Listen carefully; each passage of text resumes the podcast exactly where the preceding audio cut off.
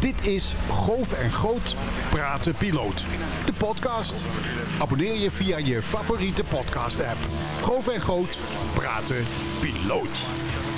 Je kunt het geloven of niet, maar dit is de, de 31ste uh, Goof en Groot. Ik wil u even enige statistiek ehm, meegeven. En dat is, eh, er zijn, deze uitzendingen zijn 15.000 keer beluisterd. Ja?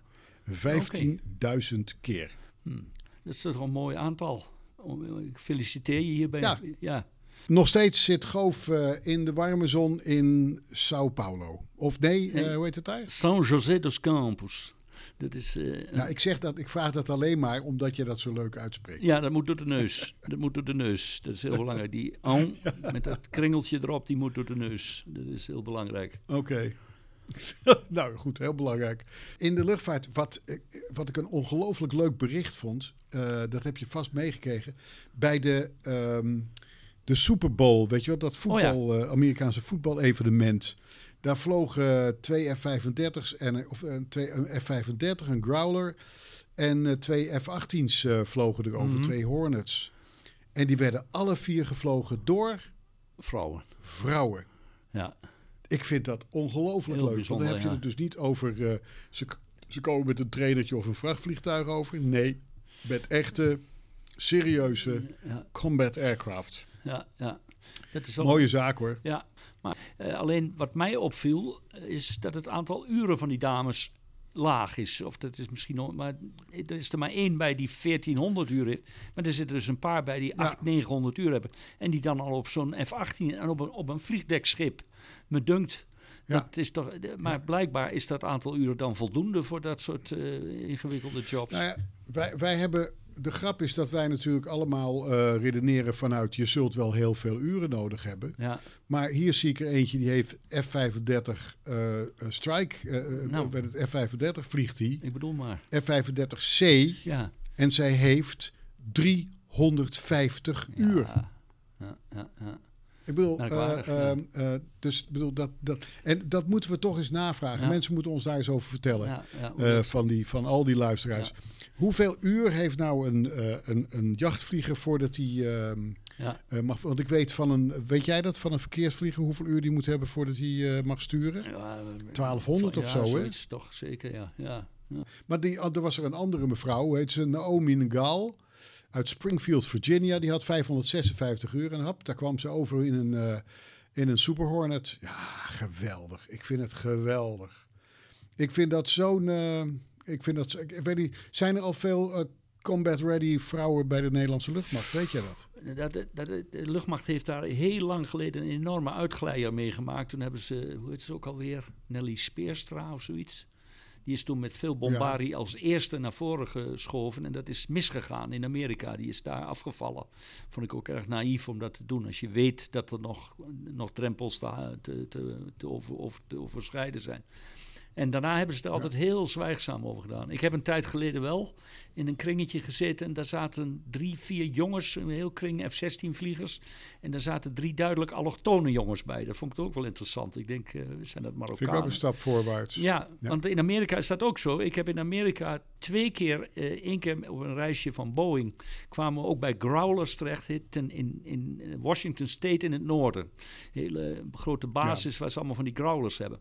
En daar werden we aan tafel gezet. Prachtig. Aan elke tafel kwam een piloot te zitten, dat is geweldig.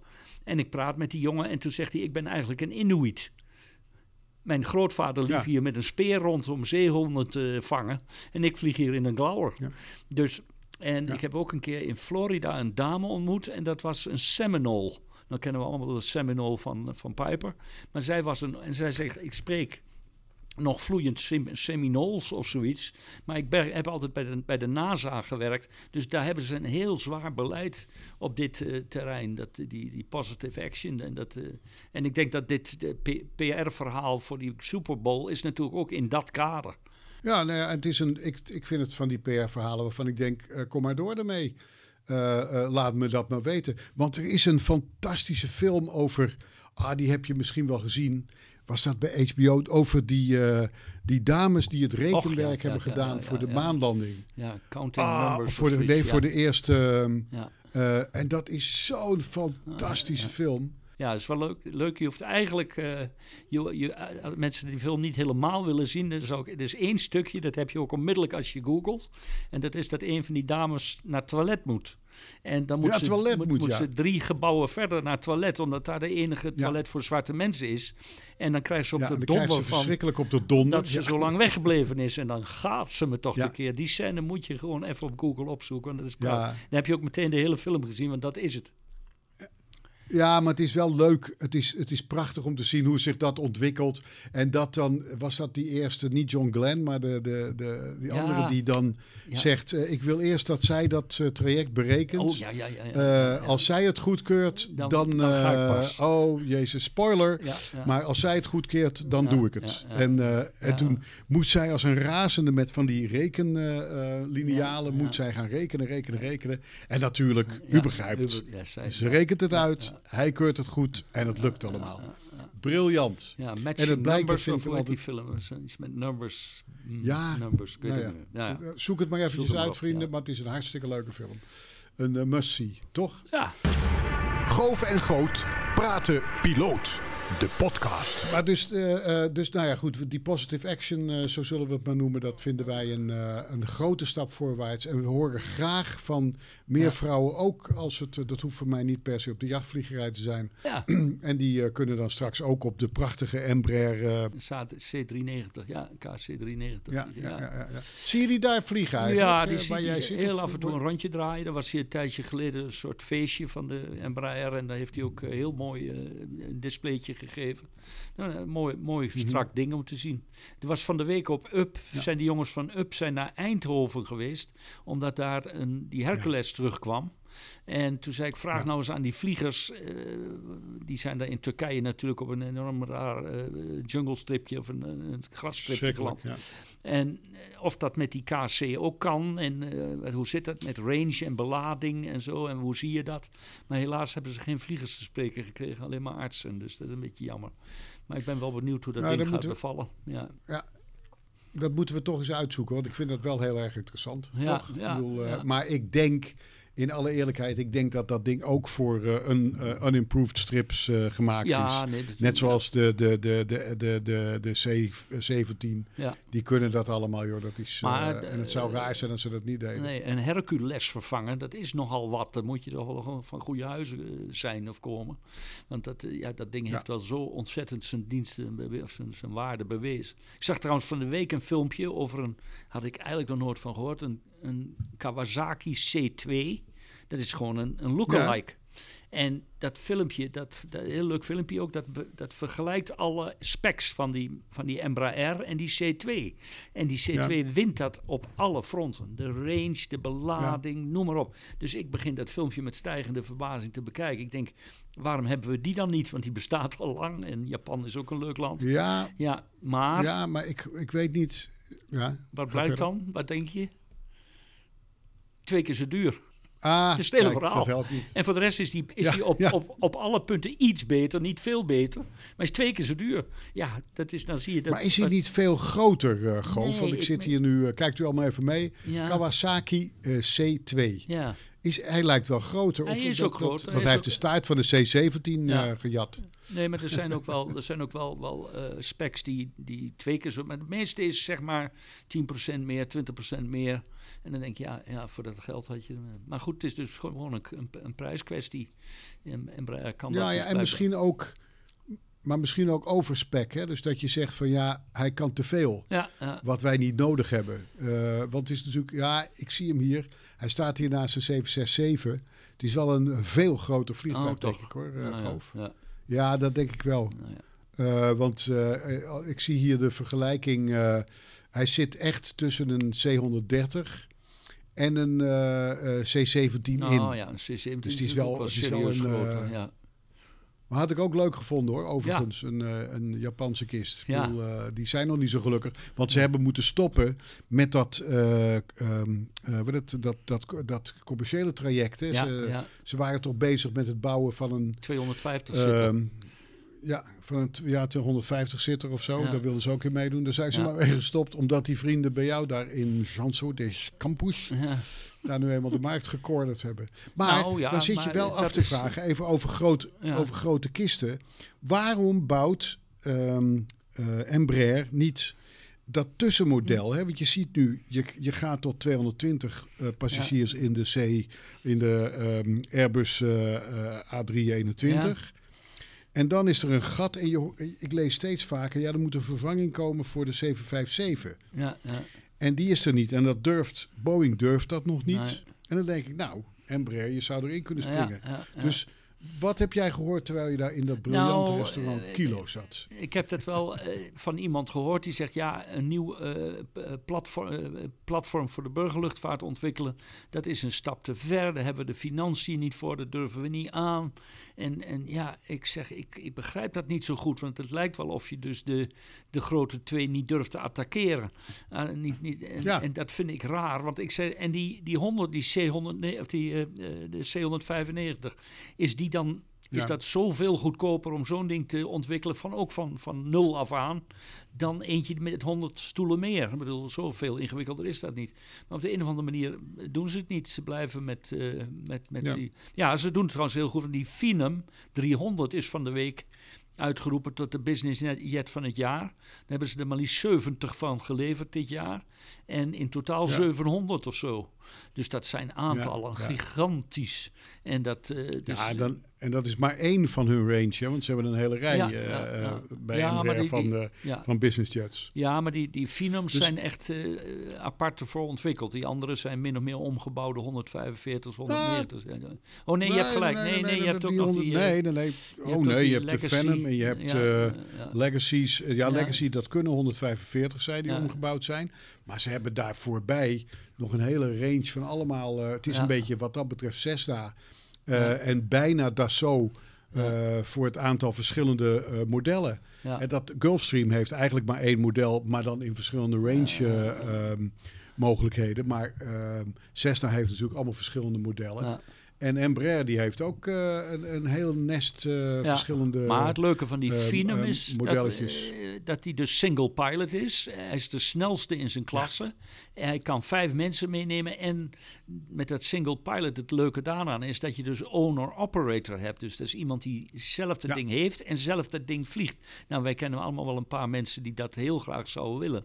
En dan neem je natuurlijk toch voor de zekerheid een safety pilot mee. Een andere jonge jongen die, eh, die leuk vindt om mee te vliegen. Dus dat, dat ga je niet helemaal alleen Ja. doen. Maar het kan wel. En juridisch ben je gewoon helemaal gedekt als je dat ding alleen vliegt. En dat scheelt natuurlijk Ja. ook wel in de, in de kosten. Want anders moet je iedere keer twee van die petten meenemen. En dat is natuurlijk ook heel... eh, dat is een dure grap. Even voorzichtig, want we kennen te veel petten. Ja, nee, ze hebben op. dus de Ja. Pretor. De Oh, Pretor, dat is een, een, een, een mid-range. Overigens een prachtig vliegtuig.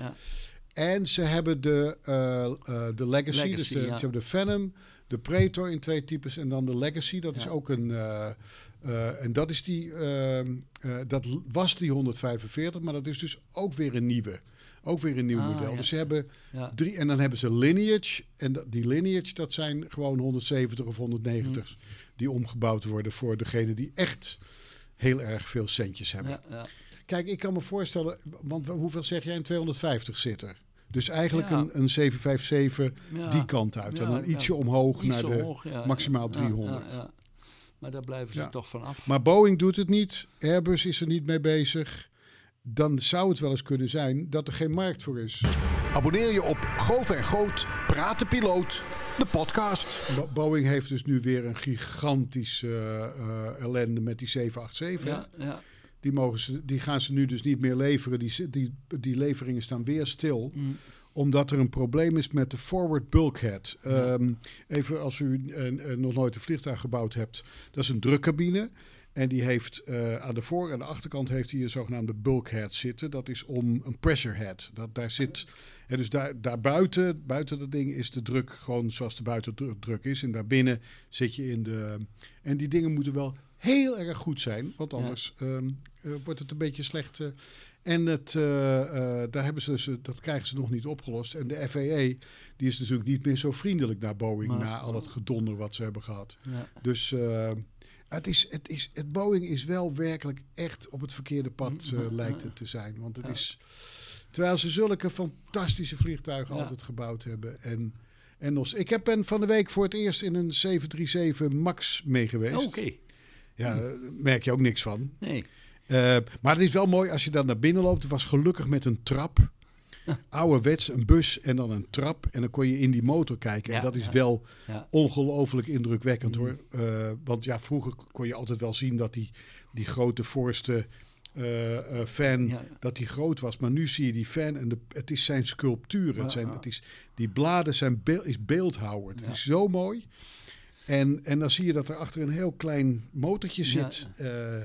En, dat is, eh, en toen ben ik eens gaan opzoeken wat het verschil is tussen die Airbus motor, die, eh, eh, van, die GTF van de Pratt Whitney 1100.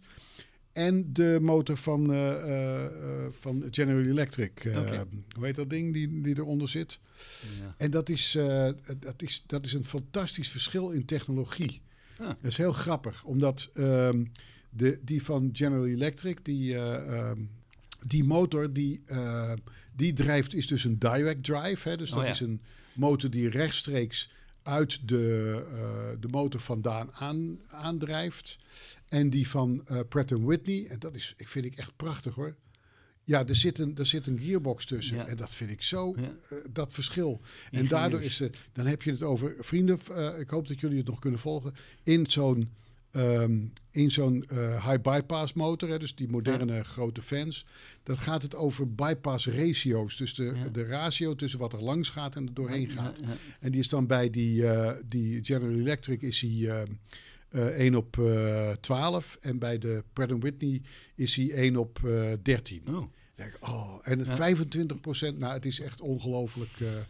Het is een ongelooflijk stuk technologie wat Ja. daar bereikt is. Weet jij nou nog in al, elk toestel waar je ooit in gezeten hebt? Weet jij, want eh, je kreeg, van de week kreeg ik een briefje van Han Gerritsen. Die had gehoord dat ik in de vorige uitzending gezegd had dat ik n- niet wist of ik ooit in een 727... ge- Dat wist hij Ja. wel.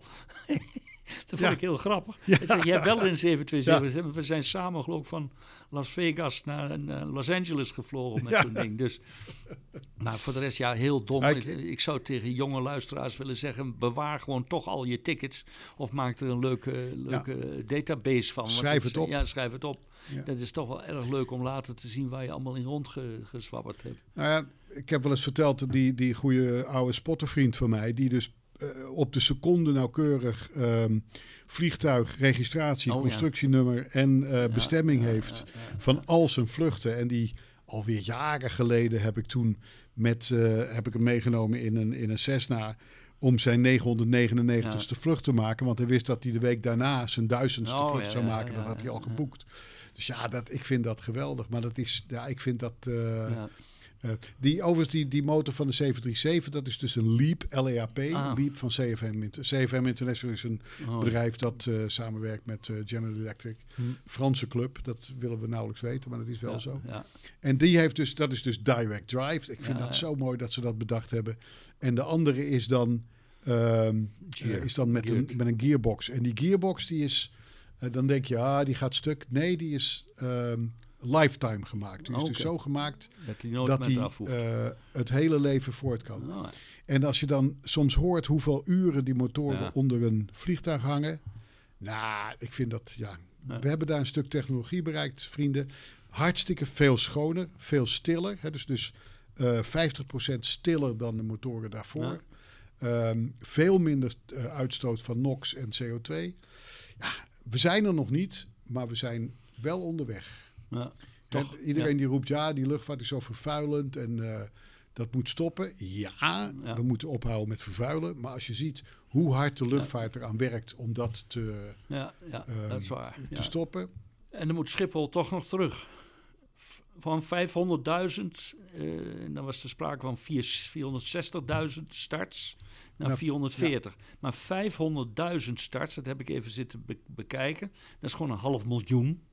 Nou heb ik ooit samengewerkt met een man. En die was van de kunstacademie, ik geloof de Rotterdamse kunstacademie. En die had als afstudeerproject een miljoen eh, streepjes zetten. Dus gewoon 1, 2, 3, 4, Oh. 5 en dan eentje er doorheen. En toen is hij thuis gaan zitten, want hij kon- had geen tijd. Hij had geen tijd om te koken en zo. Dus we hebben bij zijn moeder weer thuis gaan zitten. En ik meen dat hij toen zei dat hij drie weken aan één stuk door bezig is geweest, van 9 tot 6, om een miljoen streepjes te zetten. En toen was hij klaar. En toen heeft hij dat opgehangen. Daar is, eh, heeft hij trouwens een 9 voor gekregen. Het concept van. Want hij zei, ik vond het ook heel goed. Hij zei, hij zei: Ik wilde weten. Je praat elke dag, noem je het getal miljoen. Dat noem je zo vijf keer er tussen neus en lippen door. Maar bedenk eens wat een miljoen is. Dat is een waanzinnig aantal. En de helft daarvan is dus het aantal vliegbewegingen van, van Schiphol. Of zit ik nou weer getallen Ja. Nee, Maar st- starts en landingen. Start, ja, maar wacht even. een beweging is een start en een landing, 500.000 maar dat keer een vliegtuigje dat is een- omhoog, ja. met mensen erin, met benzine, met dit. 500.000 keer. Het is ook krankzinnig veel. Dus ja, dan denk ik daar. En nu zegt, maar ja, dan denk ik altijd, politiek is ingewikkeld. Je kunt, eh, hè, maar nou zegt de, de regering zegt dat moet naar 440.000, wat bijna net zoveel. En eh, Schiphol zegt 460. Nou, ik denk, Ja. daar moet je altijd uitkomen, want tussen 460 en 440 heb je 20.000 mogelijkheden om een getal te vinden waar je het allebei mee eens bent. Dus daar moeten ze wel uitkomen. Maar weet, je, Dat- maar weet je, als je het gaat uitrekenen per uur en per dag, ja, ja, dan gaat het over 58 vliegbewegingen per uur. ja, dat is maar dus dat- eh, eh, eh, 24 starts en landingen. Ja? Nou, als je rekent dat ze gemiddeld twee minuten tussen een eh, ertussen hebben. Het is, het is ongelooflijk ja, veel. maar- ja, en precies nou, wat jij precies, zegt, Precies, maar dat, die ik heb hem al 60.000. afgezien. die- dan kunnen we allemaal heel pro en contra luchtvaart zijn en zo. Maar het is toch ook. En dan wonen daar ongeveer 12 miljoen mensen bovenop elkaar gepakt. En vlak daar in te midden van die mensen ga je 500.000 keer opstijgen. Ja, ik, als ik me Ja, dat zo. Dan denk ik ook. Ik ben er stijl voor allemaal. Vind het helemaal goed. Maar het is ook wel Ja, idioot veel. Maar ik denk ook. dat keer het is, welke. maar, maar even terug. ja, maar het is natuurlijk heel Maar, makkelijk als je maar zegt. hoe wil- erg is dat nou? ja, ja, maar dan gaan we wel weer pro en contra. Dat wil ik juist even niet. Ik wil juist zeggen, 500.000 is waanzinnig veel. En dan denk ik, hoe krijg Ja. je ze weg? Kijk, als je zegt, nou, ik, vroeger zag je nog wel eens Royal Air Maroc. Die kwam dan met van die 737's met nog van die sigaren eronder. Van die, van die Ja, hele lange 200's, werpen. Dus juist niet die high bypass turbofans, maar gewoon straight jets, of hoe noemen ze dat? En die kwamen dan rokend en brandend kwamen die naar beneden. Maar hoe kun je nou zeggen, nou, die willen we niet en die willen we wel. Kijk, daar, daar is natuurlijk ook nog heel veel winst te halen van, van lawaai en uitstoot en, en zo. Maar Goof, dat wordt ook heel erg actief gedaan. Hè? Ja. Er wordt dus steeds meer beperkt van die kist, hè, 747 300 Mag er niet meer in. Nee. 200 mag er niet meer Nee. in. Nee. Ehm 727's is natuurlijk al helemaal eh, eh, eh, 737-200's. Dus met die ouderwetse eh JT9's waren dat geloof ik ondenkbaar dat die ooit nog binnenkomen. Ja, dat is ja. echt totaal... eh, Ja, ja. Dat is ook een ongelofelijke, excusele maar culere herrie. Ja. Maar kijk, die 500.000, het is... Maar pas op, hè, we zaten, dus het schreefgetal was 520.000. hè? 520. Ja, ja. En dan moeten we terug naar 440 en dan begint iedereen Ja, te janken van... Nou, we kunnen Nederland wel op slot doen en het is afgelopen en we kunnen nooit meer. En onze hele economie stort in elkaar. En ik denk, Ja, ja, ja. dat zal best wel meevallen. Denk jij niet? Ik denk, ja, ja, ik denk dat, maar als je het voor het eerst hoort, dan denk je dat lijkt me, dat lijkt me veel. Ja, het is ook veel. Ja, ja, Ja, ja. Maar goed, en ik, wil, ik gun iedereen, maar luister, ik gun iedereen, eh, ik heb geen vliegschaamte, al probeer ik zo min mogelijk te vliegen als het niet nodig is, daar gaat het niet om. Maar eh, tegelijkertijd zie je, het is een menselijke behoefte, dat reizen. Ja.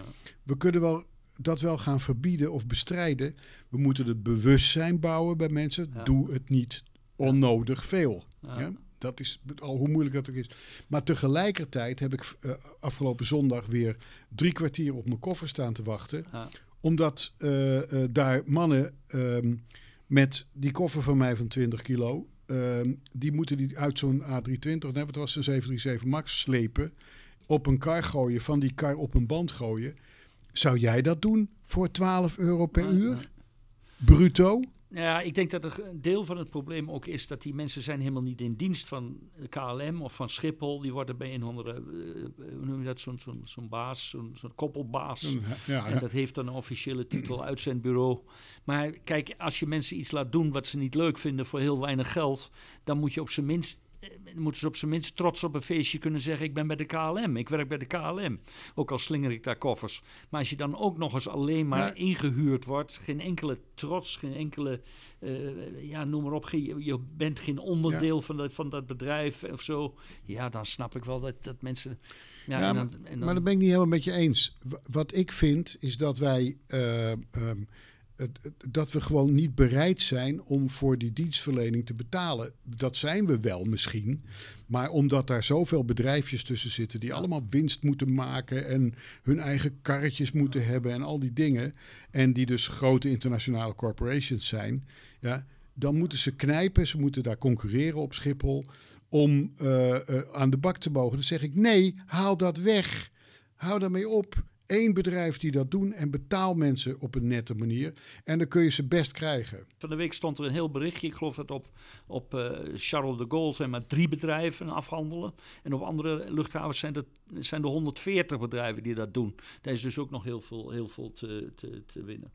Nou, wat, wat zou dan mooier zijn? Dan, wat, wat zou dan mooier zijn dat je, dat je IPB'en, IPB'en voor kofferslingeren, slingeraars. Ja, Ik weet niet, is dat er? en, IPB? En een net bedrag. Ja, indien plaats beschikbaar. Ja, maar dat, dat, dat, weet je dat toch wel? kan. Ik weet niet of dat voor iedereen kan, maar dan één keer per jaar een... eh, Tuurlijk kan dat voor iedereen. ja, ja. Ik, ik, kon het, ik ben vroeger ook wel eens IPB meegegaan. Nou, moet je Klappertandend van de stress of ik wel thuis zou komen. Ja, ja, ja. Maar het is dat hele krimpen van Schiphol. Het, tegelijkertijd zie je dat het, we zijn nog lang niet op die 500.000 waar we waren. Laat staan op de 520.000 die gestreefd werden. Zijn we nog lang niet. Nee. Ehm, al gaat het wel heel snel. Maar dan toch. En ik gun het iedereen het beste. hè, Laat er geen discussie over zijn. Ik wil eerst nog één ander dingetje zeggen. We hebben het over brandstof Oh ja. en over vervuiling en over de, de snelheid waarmee Sustainable Aviation Fuel in de Verenigde Staten Ja. wordt doorgevoerd is ongekend hoog. Ja. Het gaat heel erg goed. We denken wel dat er niks gedaan wordt, maar er wordt ontzettend veel gedaan. Je luistert naar Goof en Groot Praten Piloot. De podcast. Reageren? Graag. Naar goof en groot at Wat wou je over Oshkosh zeggen? Kijk, de, de ge- gemiddelde up-luisteraar die is dol op grote luchtvaart. Moet ook zeker heel veel. Maar ik vind die kleine luchtvaart en die klassieke luchtvaart moeten ook aan de, aan de bak, aan de, aan de orde komen. Het wordt een gathering Ja, of Corsairs dit jaar. En Ja, dat, moet oh, jou, dat moet jou plezier doen. Ja, en dan, oh, dan nou. lees ik dus een van mijn favorieten. Ja, want ik ben ooit eens een keer een gathering of Mustangs geweest. Daar waren er toen 40.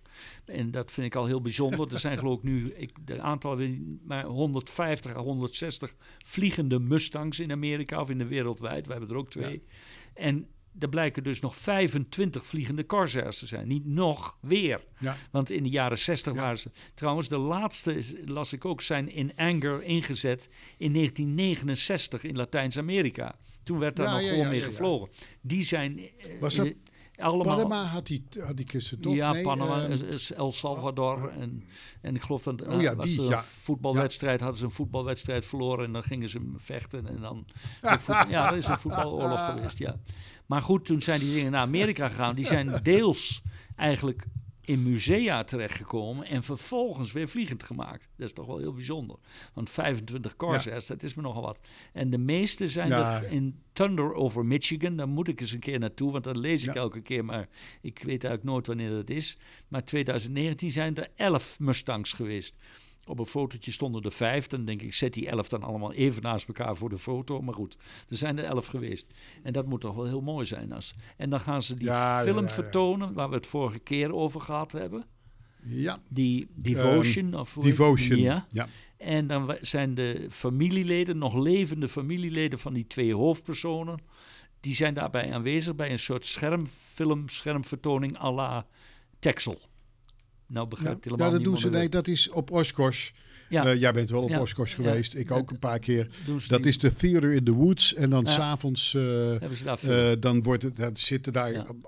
De, grijze plaag is werkelijk onoverzichtelijk groot, maar dan toch. En dan wordt daar een film vertoond met, eh, met prachtig geluid, vaak ook echt goed gedaan.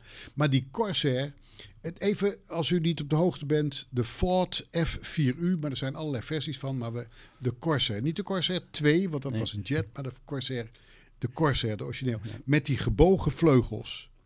Weet je waarom die die gebogen vleugels had, Groof?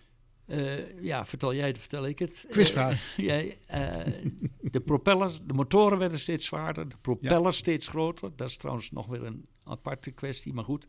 Daardoor eh, werd de, de grondspeling voor die propeller te gering. Dus die, zeker omdat ze dus op onverharde strips in de Pacific moesten vliegen. Dus er waren veel molslopen en kuilen. En toen hebben ze in, in armoe eigenlijk de pootjes korter moeten maken. Omdat eh, anders die, eh, en om dat te doen hebben ze de vleugel-W-vormen gemaakt. En toen op het laatste punt van die W zijn de, zijn de wielen bevestigd. Het was trouwens een ramp. Briljant vind ik dat, ja, hoor. briljante uitvinding. Het was een ramp, Ja. want daardoor kwam die eigenlijk veel te, veel te eh, ja, schuin te staan, waardoor de piloten niets meer zagen. En daardoor was die eigenlijk ook ongeschikt voor deklandingen op een vliegdekschip. Ze hebben de eerste tijd maar hebben dat ze gebeurde maar... eh, voluit. ja, Ja, in de jaren 50 hebben de Fransen er nog eh, mee gevochten in Algerije. ja. Met, die, met die Corsairs. Ja, het is, maar je moet die film even, even zien. Ja. Ja, maar het punt was dus dat ze niet op die, op de, dat ze niet op die vliegdekschepen konden landen. En toen hebben ze ze in die, op die muskieten, die eilanden die vol met muskieten zaten in de stille Zuidzee gebruikt. Maar mooie dingen. En er komen er Mhm. dus nu, eh, bij Ko- Oshkosh komen er eh, een gathering. Ze zeggen niet hoeveel. Ze moeten natuurlijk over die elf stuks van Thunders over Michigan heen, want dat is eh, concurrentie. Maar ik denk dat dat toch wel een behoorlijk aantal gaat worden. Dus wel een reden te meer om daarheen Ja. te gaan in juli. Ja. Overigens, dat wat jij nu zegt, dat eh Corsairs geen carrier deck eh, landing... Dat is iets wat ik niet wist. Eh, ik weet dat het geen makkelijke kist was. Hij kon het wel, maar het, de, de- het aantal ongelukken was onverantwoord hoog. En dat hebben ze eigenlijk, Ja, ja. dat is trouwens na de oorlog ook wel interessant, hebben ze dat allemaal statistisch bekeken. Want in de oorlog hadden ze daar helemaal geen tijd voor. En een verlies was een verlies. Maar toen bleek ook dat bij de, zelfs de Mustang, dat het aantal, ja, zeg maar, vredesverliezen, gewoon pure eh, ongelukken bij het starten en Ja. landen, dat die onaanvaardbaar hoog waren. En daarom hebben ze toen een tweezitter Mustang bedacht, de TP-51, die nu nog steeds ook heel veel vliegt.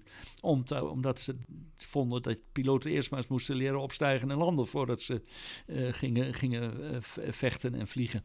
En, dat is, dat, en die Corsairs waren dus erg slecht in dat deklanden. En daardoor hebben ze ze de eerste tijd, eh, totdat ze dat een beetje onder de knie kregen, hebben ze ze dus vanaf land laten opereren, waar die eigenlijk niet voor bedoeld was. Nou, ik heb even, even eh, ondertussen even eh, de, de, de kennisbank geraadpleegd. Maar er waren drie redenen waardoor het wat lastig was. Eh, dat is Ah. eh, slechte visibility over de neus. Dus je kon niet. Er zit Ja. natuurlijk een joekel van een motor voor. Er zit een hele grote. Ja, ja. Wat is die 2800 pk motor zit ervoor, hè, Ja. geloof ik. Anders 2000 Ja. pk, maar een joekel. En eh, dat was het. Ehm, maar wat hij ook had, en dat heb ik ook eerder gehoord, jij ook waarschijnlijk, is dat, dat hij moeilijk te handelen was en dat, hij, dat de stol was, hè, dus de, dat hij uit de lucht ging vallen, was onvoorspelbaar. Mhm. Hij je wist niet van, Oh, ja. dat was tussen, tussen de 65 en de 85 knopen, flikkerde hij uit de lucht. En dat wist je niet wanneer hij dat ging Ja. doen. En omdat ze dat onderstel eh, zo moeilijk hadden moeten maken, ehm, is die, ehm, eh, was dat een stijf onderstel, omdat het een tamelijk kort onderstel was. Ja, dan moet je natuurlijk, als je, op, als je dat ziet, het onderstel van een F-18. Hallo, hallo, hallo. Dat is een, een echt een onderstel. Zelfs als ik ermee land, lijkt het nog eh, eh, alsof dat eh, relaxed, of dat een goede Ja. landing is. Ja. Want het is perfect ervoor. Ja. Maar goed, er komen er dus 25 waarschijnlijk naar, ehm naar Oshkosh. Als u een, een, een luchtvaartliefhebber bent, dan bent u verplicht aan uw, toch, om ooit een keer naar Oshkosh in Wisconsin ik, te gaan. en dat dan graag in, ergens in juli, eind juli, begin augustus. Dan is daar ehm, het briljante, het grootste vliegfeest Ja. ter aarde. En mocht je maar één dag hebben, heb ik nog een tip. Huur een scooter. je kunt daar van die elektrische scootertjes huren en niet schamen. Want eh, 90% van de, van de bezoekers heeft hem of had hem willen hebben. Ja. Het is ideaal, want het is een gigantische oppervlakte. En je tuft met dat ding heerlijk van de ene naar de andere, het andere evenementje. En dat is, eh, kost 80 dollar, wel even een prijs. Maar je spaart eigenlijk drie toegangskaartjes uit. Die elk 35 dollar kosten, geloof ik. Dus uiteindelijk ben je nog goedkoper uit ook. Goof en Groot praten piloot. Ja, nu we het over kleine luchtvaart hebben. Ik las dat eh, op Rotterdam de NSC, de, een, van die, eh, eh, een van die dieselkistjes van de vliegclub, eh, in de fik is gevlogen. Ehm, Oh.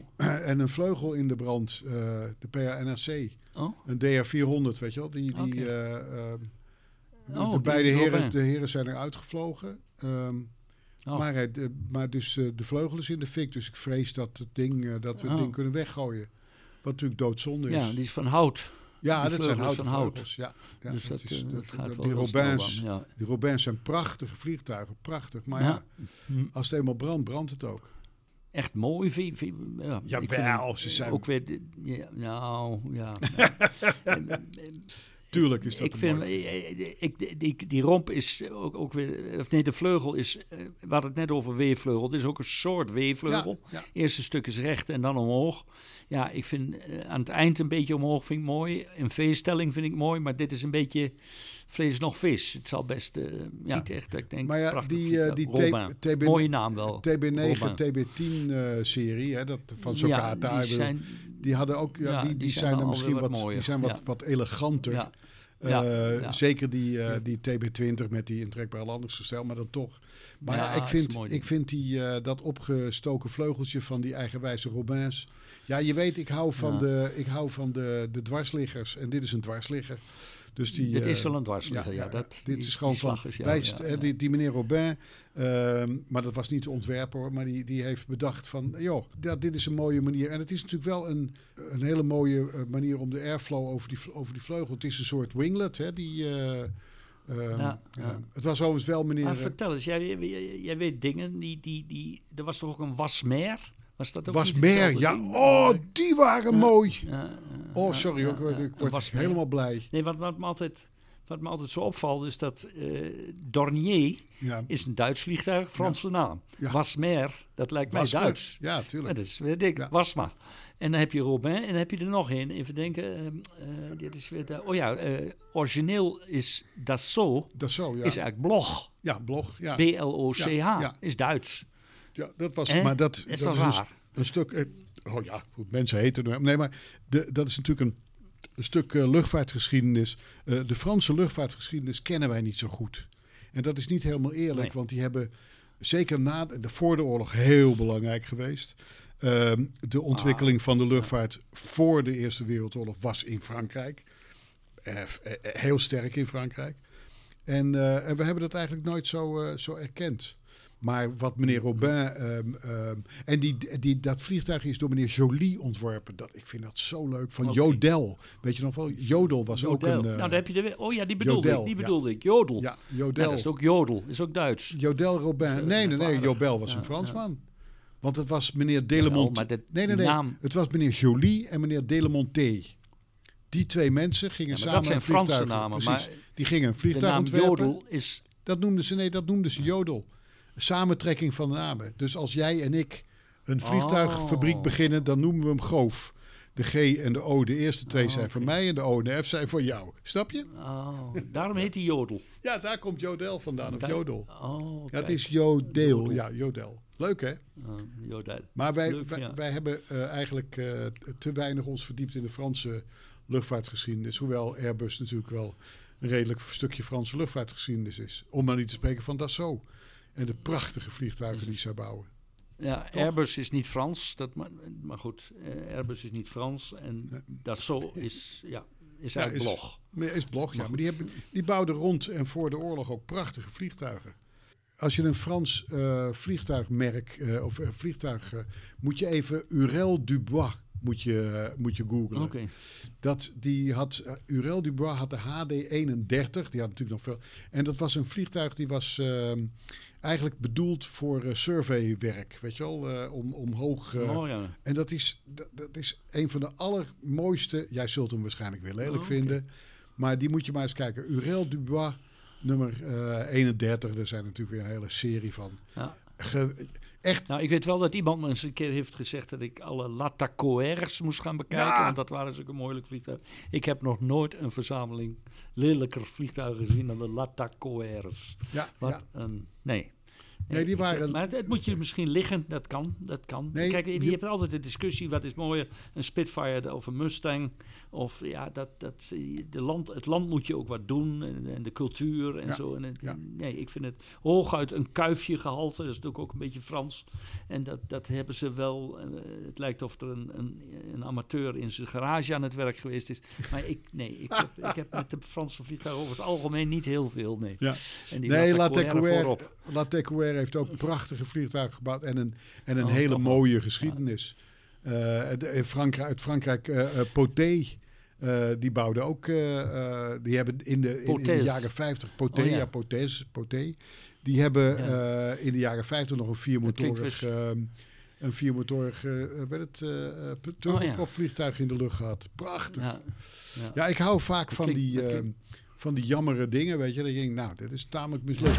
Abonneer je op Goof en Goot, Praat de Piloot, de podcast. Maar wat ik toch ook wel bijzonder van de nieuwe, nieuwe ontwikkeling vind, is allerlei UFO-achtige en ballonachtige toestanden opeens weer. Ja, elke dag Ja. weer een UFO, elke dag weer een ballon. Het wat had jij nou weer gezien dat- luchthaven dat- van, Ja? de luchthaven van Sint-Petersburg gesloten vanwege een UFO. Ja, Sint-Petersburg in Florida overigens. ja. Hè? Ja. Nee, nee, nee, toch niet. Was Russisch. Het in, in Sint-Petersburg nee, in er zijn Rusland. MIGs opgestegen om het ding te... Ja, Oh ja, nee, om dan, het ding te dan is het. en noem maar op. Ja. Ja, Ja. nou ja. En dan is het weer een ballon. En ja, ja, ze moeten Ja, dat van die ballon. Maar het blijkt dat er dus ook privéballonnen ehm, eh, van mensen, die kun je voor een, een paar dollar kopen. En eh, daar zit dan een Mhm. transpondertje aan of een, een zendertje aan. En die, dat, de truc is dan om die zo op te laten dat die de hele wereld rond. Dat is een soort hobby. Dus het is hartstikke leuk. Ja. Ja, dat, ik bedoel, dat is, Ja, dat is. En het blijkt dat er waarschijnlijk ehm één of twee van die neergeschoten ehm, eh, objecten.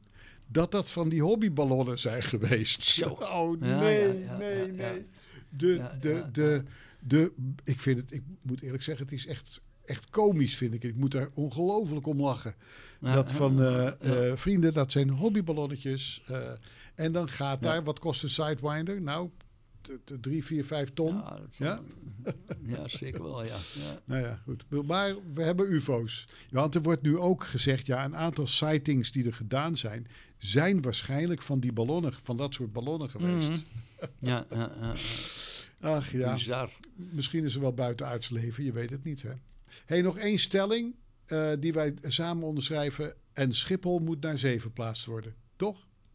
Ja, en ja, dat moet wel vooraf gaan met... En verder ben ik van mening dat... Oh ja, sorry. Ja, dat zei Marianne ja, altijd en de andere oude Romein over Carthago. En verder zijn wij van mening dat. Schiphol zo spoedig mogelijk de zee in moet. Precies. En niet in de zin van dat we ze het zee, de zee in eh, drijven. Nee, Maar we bedoelen daarmee te dit zeggen... wordt begrepen, Leo. dat, dit eh, wordt begrepen. dat Echt. daar een groot eiland... Ja. En daardoor zullen wij eh, de miljarden die we daar insteken... kan ik u vertellen, heren eh visionairs... kan ik u vertellen dat als u dat doet... zult u dat terugverdienen doordat...